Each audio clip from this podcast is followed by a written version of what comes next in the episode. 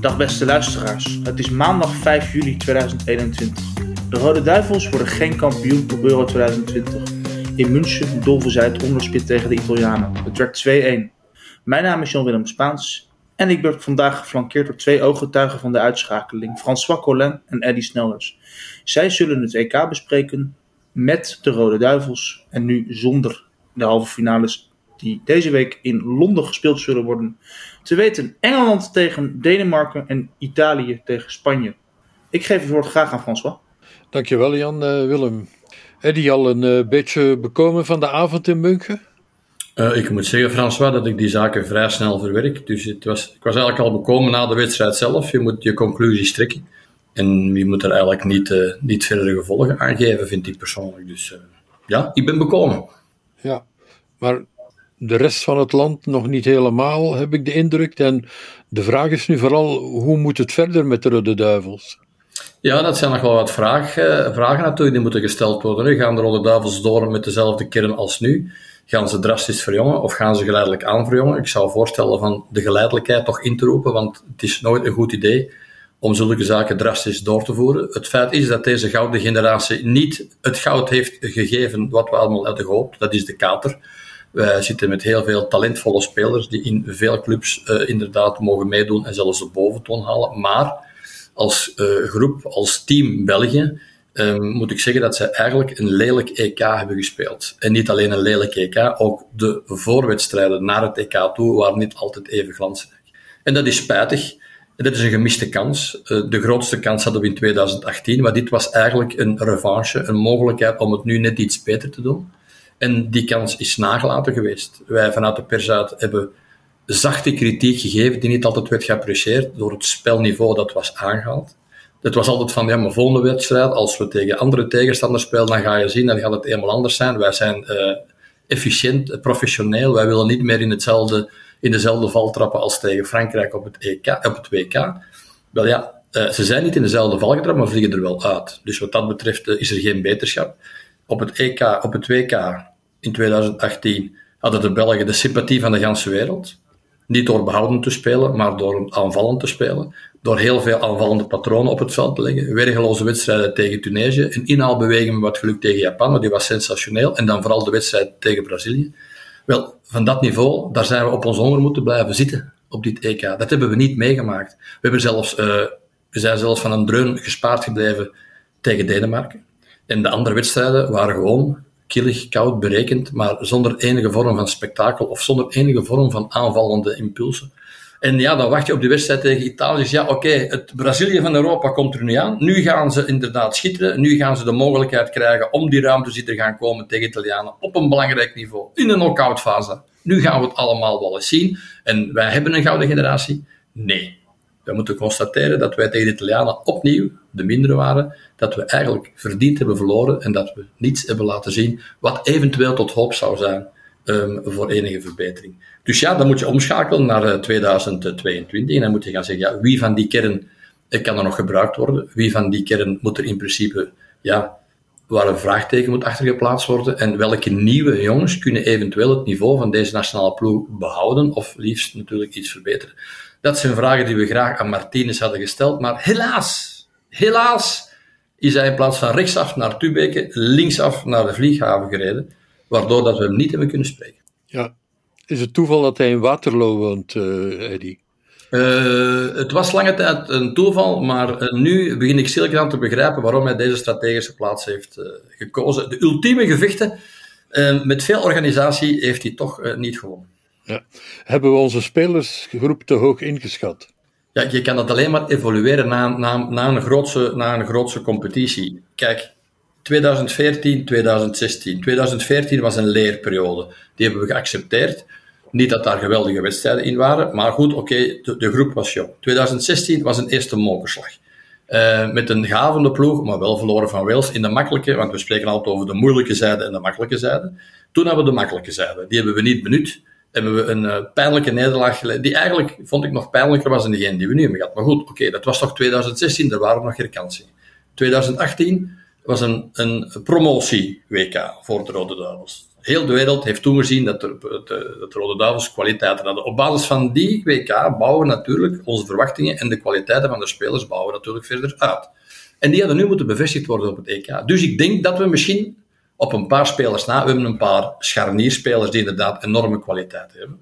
Maar we hebben voor de rest goede spelers, maar niet de homogeniteit, niet de kwaliteit om dat als groep te kunnen concretiseren in resultaat. Dus moeten we constateren dat we wel individueel wel mensen hebben met veel talent, maar dat we eigenlijk als groep telkens maal tekort hebben geschoten. Dus iets te weinig kwaliteit in zijn geheel. Ja, een, een Engelse analist eh, schreef dit weekend: de Belgen hadden een gouden generatie en hebben die in handen gegeven van Mark Wilmot en Roberto Martinez. Ja, oké. Achteraf natuurlijk uh, gaan schieten is altijd makkelijk. Iedereen heeft altijd, of de meesten hebben de, de lof voor Roberto Martinez. Um, ik vind Mark Wilmers heeft de fout gemaakt dat hij zijn groep in principe niet helemaal in zijn geheel heeft kunnen beschermen. Dus er waren altijd links-rechts wel ontevredenen die dat er ook hebben kunnen uiten, waardoor die, groep begon, die groep begon af te brokkelen. Plus dat hij een persoonlijk gevecht met Lombaars heeft uitgevochten en dat is in zijn nadeel uitgedraaid. Want dat is ook een van de redenen. niet dat Lombaards ons in, in, in het EK had gehouden 2016, maar je verdediging had toch er iets beter uitgezien. Je had toch wel veel meer weerwerk kunnen bieden in die, uh, in die uh, finale wedstrijd tegen Wales, waar dat je nu natuurlijk wel tegen was uitgeschakeld. Dus ja, dat waren de verkeerde keuzes, dus daar mag Wilmots op afgerekend worden. De manier waarop hij is afgerekend door bepaalde media vond ik wel heel laag bij de grond. Ik heb dat zelf met George Lakers ook wel eens meegemaakt, dus ik vond niet echt dat dat... Uh, dat dat de normen van het fatsoen had om dat zo te doen. Maar goed, in voetbal is het meedogenloos, ook zeker op dat gebied. Wat Martinez betrof, op een zeker moment is er een keuze gemaakt van nee, we gaan niet meer Vlaamstalig, uh, Franstalig, we gaan een neutrale man daarboven. En we zoeken het in een, speciaal financieel segment, niet het allerhoogste, want dat kunnen we niet betalen, maar in een uh, degelijk segment, dan moeten we ook nog een degelijke trainer krijgen. Goed, dan is Martinez gekomen. Bij Martinez was alles fantastisch unbelievable, incredible. Dus oké, uh, hij heeft wel uh, één ding goed gedaan, vind ik persoonlijk, dat is zijn groep gesmeed en de miserie en zorg die er zeker en vast ook zijn geweest buiten huishouden of binnenskamers, zelfs nu nog met het vertrek uh, van bepaalde mensen naar hun familie uit de coronabubbel, ja of nee. Dus dat zijn zaken die allemaal goed uh, gesloten zijn gehouden.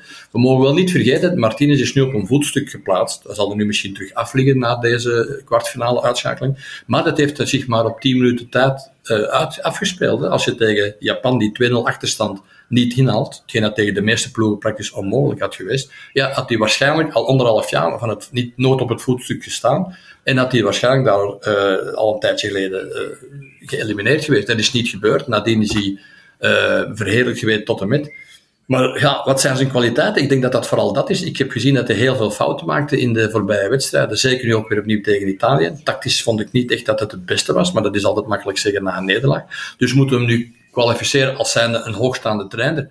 Ik heb daar mijn bedenking van. Het is een degelijke trainer die vooral zijn groep probeert te beschermen en waarschijnlijk de sympathie van zijn mensen heeft. Maar op tactisch gebied, op het veld zelf, vind ik wel dat hij zo nu en dan wel fouten maakt. En hij heeft altijd mogen werken met een technisch kwalitatief vrij aangename en, en, degelijke groep. Dus wat dat betreft is het niet dat hij een hoop, een hoop uh, rotzooi bij elkaar heeft moeten, moeten, moeten, moeten, moeten zoeken. Nee, dat waren allemaal degelijke spelers. Dus ik denk dat hij er meer had kunnen uithalen en dat had nu moeten gebeuren op dit, op dit EK. Dat hij er meer moeten Als hij nu de finale speelt en hij verliest de finale, dan zeg ik, Martinez, je twee perfecte parcours gedaan. Maar deze kwartfinale is terug gedeeltelijk naar af, ondanks de excuses van Italië en Portugal en de moeilijke zijde van het. Ja, uh, in principe, weet jij dat ook, François, dat telt in wezen niet mee op je eindafrekening. Dus daar moet je voor gewapend zijn. En dat was tactisch tegen de Italianen niet zo. Dat was duidelijk te merken op het veld. Was uh, Janne Carrasco de Lombaards van dit EK? Ik weet het niet. Ik, uh, ik, allerlei speculaties zijn er wel op. Ik weet dat Carrasco wel iemand is die, uh, als hij niet speelt, dat ook niet zo laat. Dat hij dat ook in zijn expressie, in zijn manier van trainen, laat blijken. Dus is daar iets gebeurd waardoor dat... Uh, want in principe is het zo dat Martinez, en dat is ook gebleken met Chatley, wederom, wat ook een verkeerde keuze was, maar goed. Ik vond ook de keuze van De Nair de verkeerde keuze tegen Denemarken. Maar goed, ze hebben nog gewonnen. Dat wel, maar er waren toch al zeker, daar kon je al zeker bepaalde, bepaalde elementen uithalen die niet de juiste keuze waren. Uh, het inbrengen van Witzel De Bruyne en Hazard was een kwartier goed tegen Denemarken, vooral het aanvallend gedeelte. Ik vond niet dat Witzel, ook in deze wedstrijden niet, ik vind het knap dat hij na zo'n korte tijd is gekomen, dat die een meerwaarde heeft, heeft betekend in deze wedstrijden voor de nationale ploeg. Nee, want het laatste 20 minuten tegen Denemarken was het, was het alle hens aan dek en was het in de eigen baklijn, eh, ballen weg, ballen weg, om maar niet dat tweede doelpunt eh, tegen te krijgen. Dus dat zijn allemaal elementen die meespelen. Carrasco is natuurlijk gekomen uit een periode met Atletico Madrid, kampioen, veel goede commentaar. Heeft die voorbereidingswedstrijd niet goed gespeeld, maar nu is nog eens gebleken welke waarde hebben die voorbereidingswedstrijd. Tielemans was daar glinsterend, briljant. En we hebben hem in al die wedstrijd die hij gespeeld heeft op het EK hebben we niet gezien. Dus die moeten we allemaal een beetje relativeren. Hetgeen het heel moeilijk is in een voorbereiding, dat weet ik. Maar ik denk dat met Carrasco het vooral het geval is dat hij ontgoocheld is geweest. Dat Eden Hazard na zoveel weken en maanden niet gespeeld hebben chemisch geweest in Real Madrid tot op de laatste dag, dat er zoveel geduld en zoveel masseren bij gepaard is gegaan. En dat hij eigenlijk op dat moment zonder enige pushpas opzij is gezet. Dat heeft hij niet aanvaard. En ik denk dat dat de reden zal geweest zijn dat er nadien, uh, dat er nadien waarschijnlijk links of rechts toch intern iets zal gevallen zijn. Ik kan me moeilijk geloven dat, ik kan me moeilijk een andere situatie uh, voorstellen. En, uh, en, en, het moet zoiets zijn, want, want al bij al, Martinez, dat weet jij, dat weet ik, die is heel gebonden aan degene die voor hem al dienst hebben bewezen. Dus het zou voor hem logisch geweest zijn. En dan kan je nog met Doku op de rechtse kant spelen, wat ook misschien uh, op dat moment uh, een risico had geweest. Maar het zou toch logisch geweest zijn dat Carrasco op een van die posities, zeker bij het uitvallen van Hazard, en zeker dan in tweede instantie bij de eerste vervanging, namelijk Shatley, dat hij dan Carrasco gewoon over het hoofd ziet. Dus dat vind ik heel, heel erg naar. Um, Eddie, een, een, een, oude man zoals ik, is eh, de laatste om uh, op leeftijd spelers af te serveren. Maar met een verdediging van alleen maar dertigers, zeker als die al de 35 naderen of erover zijn, ja, kan je niet blijven doorgaan. Je kan geen modern voetbal spelen met een verdediging die alleen maar een laag blok kan zetten. Ja, maar dat, dat merk je nu. Hè. Je hebt natuurlijk geteerd op de ervaring en de hoop dat de omschakeling via De Bruin en Lukaku, dat waren je grootste troeven. Want hij heeft een pech gehad dat hij natuurlijk ook op een Mertens tegenkomt die ook helemaal niet in vorm is. Dus ja, dan moet je er ook weer rekening mee houden. Daar kan je ook weer minder op rekenen. Hazard die onderweg was. Dus ja, iedereen was nog vol lof van Hazard, omdat hij tegen Portugal in het middenveld drie, vier keer de bal goed bijhield. Maar het zegt mij in alle wedstrijden dat Hazard is ingekomen of gestart is, hoeveel ballen, dat er zelfs tegen Finland, hoeveel ballen waar de doelman ergens in actie had moeten treden. Wij zijn op de duur bij van wereldsterren zoals Hazard tevreden dat hij de bal eventjes bijhoudt. Dat is niet de bedoeling, hè. Die moeten een meerwaarde betekenen. Je, je masseert die weken de weken aan een stuk met de bedoeling dat die toch eens op zeker moment, als ze, als ze inzetbaar zijn, dat ze kunnen schitteren. Zoals bijvoorbeeld De Bruyne met zijn inzet tegen Denemarken. Dus dat je direct van, pang, er was iets meer, dat was een meerwaarde. Maar je zit er overal maar geduld, geduld, geduld in te steken. En als straf bekeken is eigenlijk het resultaat dat dat teweeg brengt eigenlijk heel beperkt. En nu heb je het probleem natuurlijk achterin. Ja, het is zoals je zegt, de voeling, de ruimte mag er niet zijn. Dus je, je kruipt achteruit. Dus je hoopt natuurlijk op omschakelingen die van op je eigen speelhelft gaan gebeuren. Dat kan een paar keren lukken. Maar tegen goede ploegen, die blokken dat toch af, want die hebben het ook allemaal gezien. Dus je moet dus opnieuw iets anders, iets variabel in je spel gaan brengen, om opnieuw je tegenstander te verschalken. En ik zeg het nog, je moet dat risico durven nemen en dan moet je maar zien, dan moet je gaan zoeken. Ik, uh, je zegt nu ja, uh, Vermalen, Vermalen, maar we weten allemaal, Thomas Vermalen, als die vier wedstrijden gaat spelen, heeft er nu twee gespeeld tegen Finland zonder druk, tegen Portugal alleen in de baklijn alles wegkop. Goed, was heel goed, was sterk, godzijdank.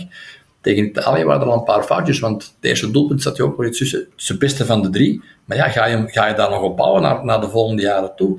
Uh, Vertongen, ja, die is slim genoeg. Die kuiert achteruit. Alderweireld, dat is normaal gezien nog de jongste van de drie, ja, die moet mee of die gaat ook liefst mee. Dus je zit daar inderdaad met een structureel probleem, waardoor je die tegenstander veel hoger kan spelen en dat je jezelf veel verder van het doel van de tegenstander duwt. Ja, hoe verder je van het doel van de tegenstander duwt, dan moet je al heel sterk zijn. Heel sterk zijn om, uh, om, daar, in principe, om daar in principe nog, uh, nog iets te kunnen forceren. Acht jij uh, Martinez in staat om een nieuwe ploeg op te bouwen? Nee, ik, ik we hebben het er al over gehad. ja, nee, ik bedoel, ja goed, oké. Hij zal wel moeten, hè. hij zal natuurlijk een deel, een deel nieuwe spelers gaan oproepen binnen twee maanden. hij zal daarmee beginnen schuiven, hij gaat weer een aantal wedstrijden krijgen. Want we mogen ook niet vergeten, op de belangrijke toernooien, we vergeten die Nations Cup, daar hadden we ook alles in handen. Hebben we in Zwitserland wel een serieuze pak voor de broek gekregen. Dus in alle grote momenten, moet ik zeggen, hebben we toch altijd wel een uitschuiven, waardoor we toch niet altijd bij de absolute piek kunnen meegaan. Dus dat was ook met die Nations Cup zo. Nu hebben we ze wel, dus ik ben benieuwd in de wedstrijd tegen Frankrijk in november wat gaat worden. Maar hij zal sowieso... Uh, hij had nu al een keer van 44 man met manier van spreken. En als er iemand gelegen had, die is allemaal meegenomen naar, naar, uh, naar alle wedstrijden. Dus hij is al heel breed aan het zien. Alleen zal hij in zijn, in zijn titularis geheel zal hij moeten gaan beginnen schuiven. Zal hij nu en dan eens eentje of twee moeten uitnemen, zoals hij dat tegen Finland heeft gedaan. Ja, je zal het eens moeten doen. Uh, je krijgt Kastanje terug, oké, die is inzetbaar op de rechterkant. Op de linkerkant, tegen de absolute topploeg, heb je sowieso verdedigend een probleem. Dat hebben we nu ook tegen Italië gezien. Uh, Hazard, Torgen Hazard, die is heel uh, welwillend, maar dat is niet echt een verdediger. In de wedstrijd dat we beter zijn, kan hij iets extra doen, maar na verloop van tijd in de wedstrijden van jij of ik, kan het een probleem. Dus er zal achterin sowieso moeten geëxperimenteerd worden. De Bruine kan je blijven rekenen, Witsel kan je blijven, laten we hopen dat Tielemans, dat, uh, alhoewel dat dat betwijfel of dat het ooit een patroon à la Van de Bruyne gaat zijn, ik denk het niet, maar oké, voor je nationale ploeg is het zeker vast iemand die aanvullend wel van dienst kan zijn. Laten we hopen dat het donker wat doorgroeit. Maar van achter moet je natuurlijk gaan zien wie heb ik beschikbaar, wie heeft snelheid genoeg om ons toch 15 meter, dan moeten er geen 40 zijn, maar 15, 20 meter hoger te laten spelen. Sowieso. We hebben uh, straks een, een, hypermodern bondsgebouw in Tubize. Maar, uh, maar we hebben. Wellicht? Maar nog geen stadion. Maar geen stadion. Misschien ook geen ploeg meer. We hebben vooral ook geen voetbalkennis binnen de top van de voetbalbond. Uh, kan jij ze een beetje helpen? Uh, wat zou jij nu doen? François, we hebben Thierry Henry nog. De beste voetballer op de training. Ja, toch zomaar niet weggooien. Hè? Nee, nee. Maar, de, maar de, de spelers uh, vinden het knap, zijn uh, traptechniek. Maar als het over tactiek gaat, schijnt het dat hij niet lang meedoet, dat hij snel moet afhaken. Ja, ja er, er, er, zullen wel manco's zijn, want dan is het heel lang of in Monaco of ergens uh, over die grote plaatsen in Amerika wel actief gebleven. Dus er zullen wel manco's zijn. Maar denk ik misschien dat hij wel op een zeker moment aanstuurt op het feit, uh, hij is nu teruggekomen, hij is een grote naam, je weet dat ze daar op de bond heel gevoelig gaan zijn. Misschien dat ze hem toch wel uh, het een of het ander toch overwegen om dat eventueel te doen. Wat wel, denk ik, op, ondanks het feit dat hij geweldig voetbalt op de training, wel op het nodige commentaar zou, zou teweeg brengen. Maar goed, nee, wat moet er gebeuren? Eerst afwachten wat Martinez gaat doen, want Martinez natuurlijk aan zit. Heeft nog, dacht ik, een contract tot na Qatar. Dus, uh, en ik denk dat, uh, dat heb jij een paar dagen geleden gezegd. Ik denk dat je er groot gelijk mee, mee hebt. waar gaat hij naartoe? Ik bedoel, het is niet zo dat de ploegen staan te trappelen. Het is een, een bondscoach die eigenlijk met veel kwaliteit gefaald heeft, want zo snel gaat het in voetbal. Van verheerlijking naar falen.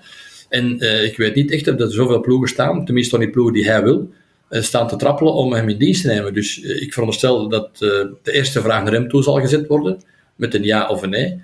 En is het een nee, ja, dan zal de bond opnieuw een, een soort ja, scenario, draaiboek moeten uitschrijven van, van wie dat er in aanmerking komt.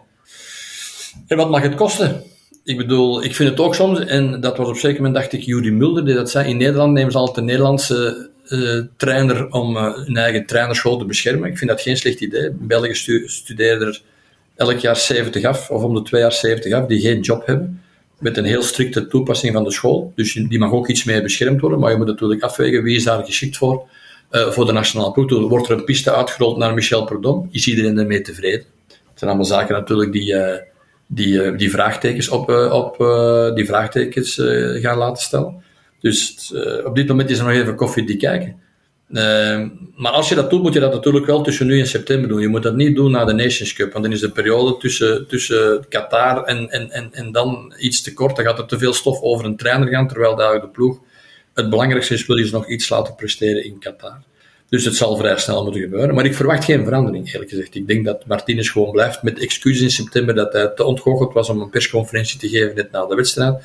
En dan zullen de meesten van ons weer al tevreden zijn dat hij met deze uitleg komt. En dan gaat het weer verder. Want dan gaan we in Wit-Rusland met 0-4 winnen. En dan denken we toch dat we opnieuw eigenlijk uh, veel aanspraak gaan kunnen maken op eventueel een volgende groot manoeuvre. Goed, laten we het ons uh, ten slotte nog even over echt topvoetbal hebben.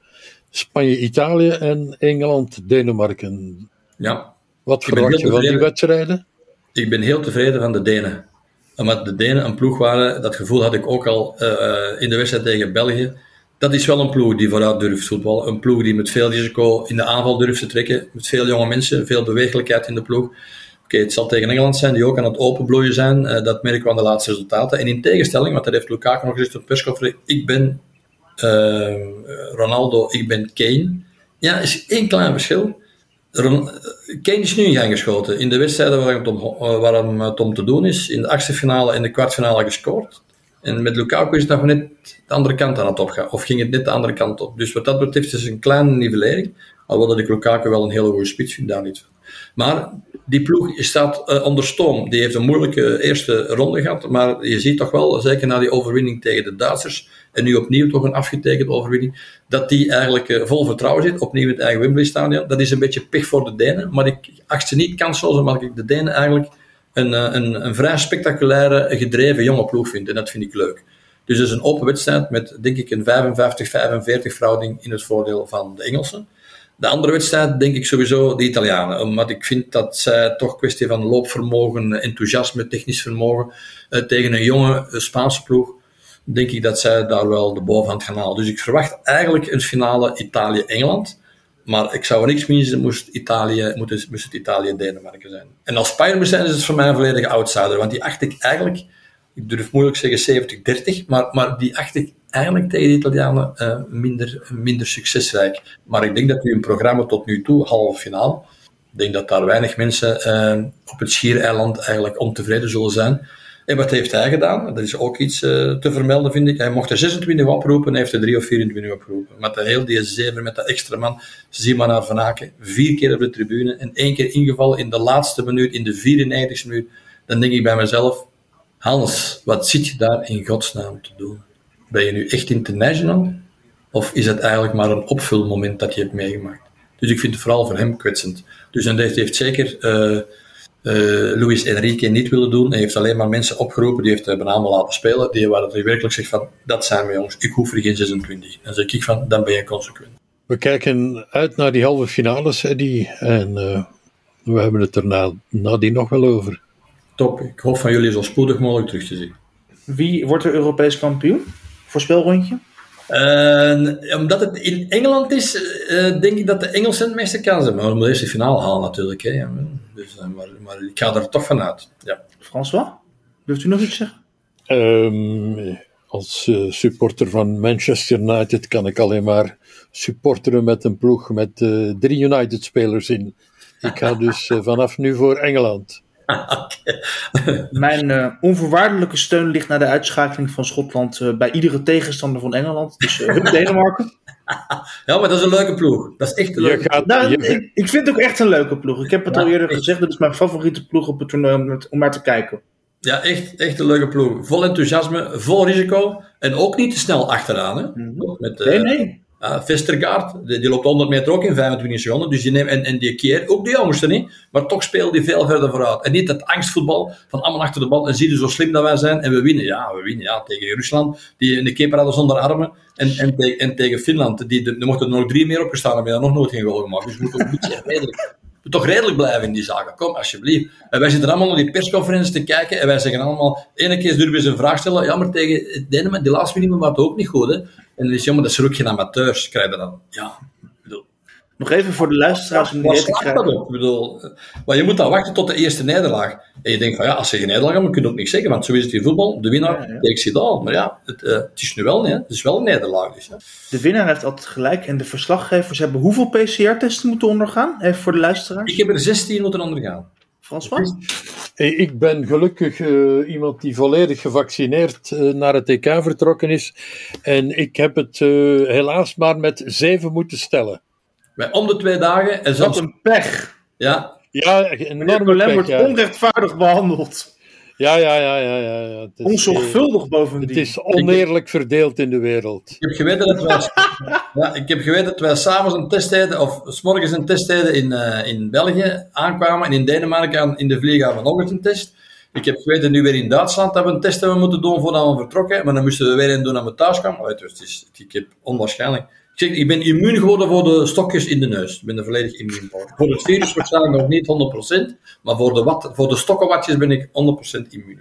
Met deze wijsheid denk ik dat wij voor vandaag kunnen afronden. Ik dank u zeer voor het luisteren. Ik denk dat wij Eddie en François volgende week nog een keer treffen. Maar dan uh, kennen we de Europese kampioen waarschijnlijk. Oké, okay. dus, uh, graag begroeten wij u alle volgende week. Hup Denemarken en uh, tot de volgende.